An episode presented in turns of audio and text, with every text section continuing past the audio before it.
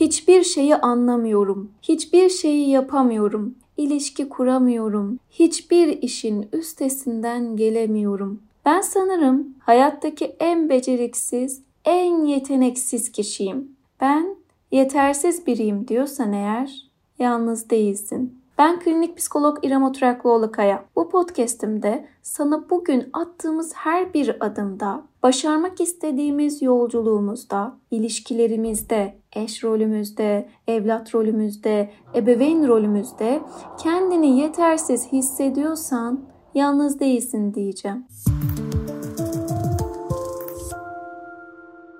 Geçmişe odaklandığımızda pişmanlıklarımızın, başarısızlıklarımızın, eylemsizliklerimizin, yalnız kalışlarımızın altında yetersizlik duygumuz vardır. Bazı durumlarda ise gelecek planlamamızda da bu yetersizliğin bizi sınırlandırdığını ve hatta kısıtladığını fark etmişizdir. Kendimizle ilgili farkındalığımız olduğunda aslında kişisel gelişmemizin en büyük adımını atmışız demektir. Evet, farkındalıklarımızı bizim kendimizi geliştirme yolculuğumuzun ilk adımı olarak değerlendirebiliriz. Ancak her farkındalık bizim için ne yazık ki umut dolu, heyecan dolu da değildir başkalarıyla karşılaştırılan, kıyaslanılan, başarıları küçümsenen, beceriksiz, işe yaramazsın gibi ifadelerle hakaret işiten kişilerin kendine duyması gereken inancı en yakınları tarafından çürütülmüştür. Bir insandan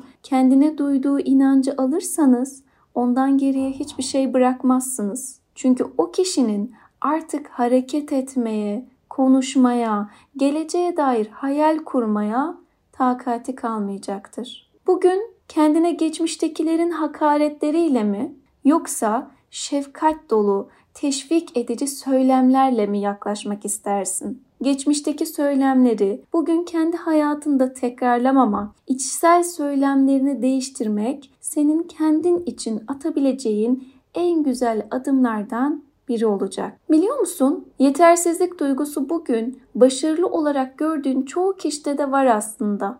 Onları kamçılayan en önemli duygulardan birinin iç dünyasındaki yetersizlik duygusu olduğunu söylemek çok mümkün. Her bir duygumuzun aslında hayatımızda ayrı bir anlamı vardır. Önemli olan ise bu anlamın ne olduğunu doğru bir şekilde belirlemek ve tercihlerimizi doğru bir şekilde yapabilmektir. Yetersizlik inancı olan kişi ya mükemmelliyetçilik içinde işini doğrusuyla layığıyla yerine getirmeye çalışır görünür, başarılıdır ancak arka planda yorgun, yıpranmıştır. Ya da hata yapma korkusuyla birlikte erteleyen, eylemsiz kalan bir roldedir. Yetersiz hissederken aslında canımız öyle bir yanar ki hareket etmeyeyim, konuşmayayım, hata yapmayayım. Böylelikle tekrardan yetersizlik damgasını işitmeyeyim derken kendimizi yetersiz hissetmeyeyim düşüncesiyle hayatımızın elimizden kayıp gidişini hissederiz.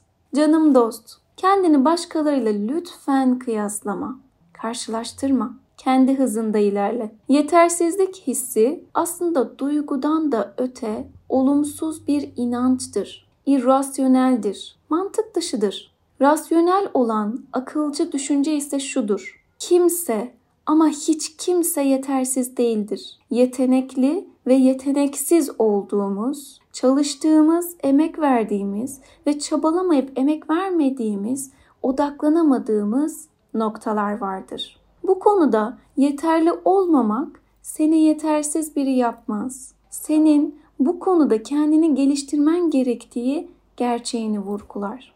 Şunu hiçbir zaman unutmamalısın. Kendine nasıl fısıldıyorsan, kendine nasıl sesleniyorsan sen osun. Bugün sana sorum şu.